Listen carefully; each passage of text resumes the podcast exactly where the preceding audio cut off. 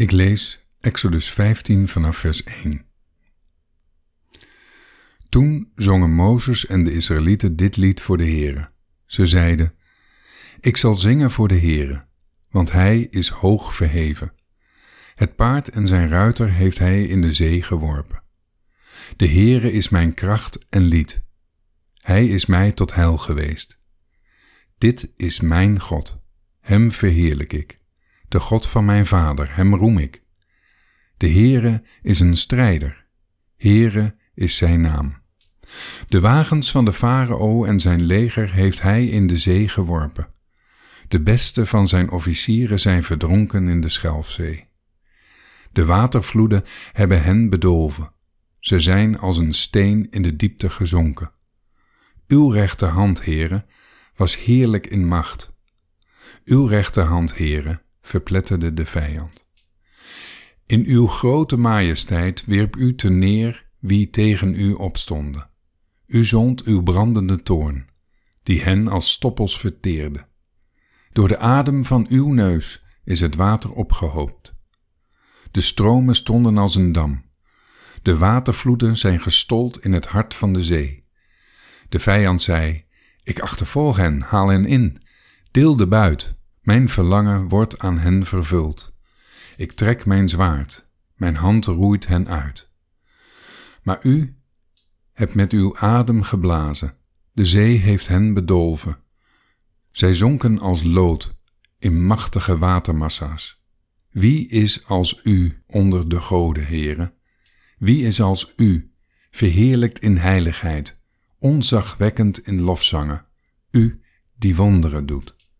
U strekte uw rechterhand uit en de aarde verzwolg hen.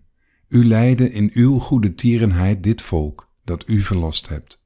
U leidde hen zachtjes door uw kracht naar uw heilige woning. De volken hebben u gehoord, zij sidderden. Angst heeft de inwoners van Filistea aangegrepen. Toen werden door schrik overmand de stamhoofden van Edom. De machthebbers van Moab greep huivering aan. Al de inwoners van Canaan smolten weg van angst. Op hen viel verschrikking en angst. Door de grootheid van uw arm verstomde zij als een steen, terwijl uw volk, heren, er doorheen trok, terwijl dit volk dat u verworven hebt, er doorheen trok. U zult hen brengen en planten op de berg die uw eigendom is, uw vaste woonplaats, die u gemaakt hebt, heren, het heiligdom, heren, dat uw handen gesticht hebben. De Heere zal regeren, voor eeuwig en altijd. Want het paard van de farao, met zijn strijdwagens en zijn ruiters, waren in de zee gekomen, en de Heere had het water van de zee over hen terug doen vloeien. Maar de Israëlieten gingen op het droge, midden in de zee. Mirjam de profetes, de zuster van Aaron, nam een tamboerijn in haar hand, en al de vrouwen gingen achter haar aan, met tamboerijnen en in rijdans. Toen zong Mirjam hun ten antwoord, Zing voor de Heere, want hij is hoog verheven. Het paard en zijn ruiter heeft hij in zee geworpen. Hierna liet Mozes Israël vanaf de Schelfzee opbreken en zij vertrokken naar de woestijn Sur. Drie dagen gingen zij door de woestijn en vonden geen water. Toen kwamen zij bij Mara.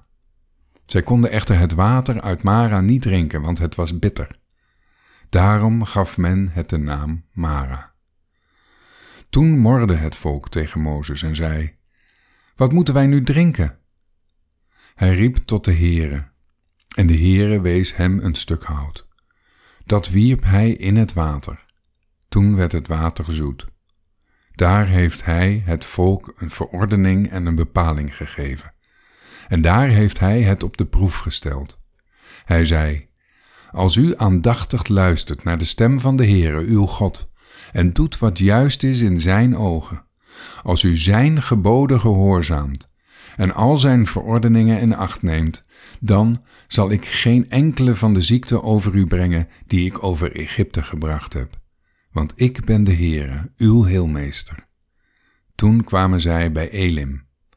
Daar waren twaalf waterbronnen en zeventig palmbomen. Ze sloegen daar hun kamp op aan het water. Tot zover.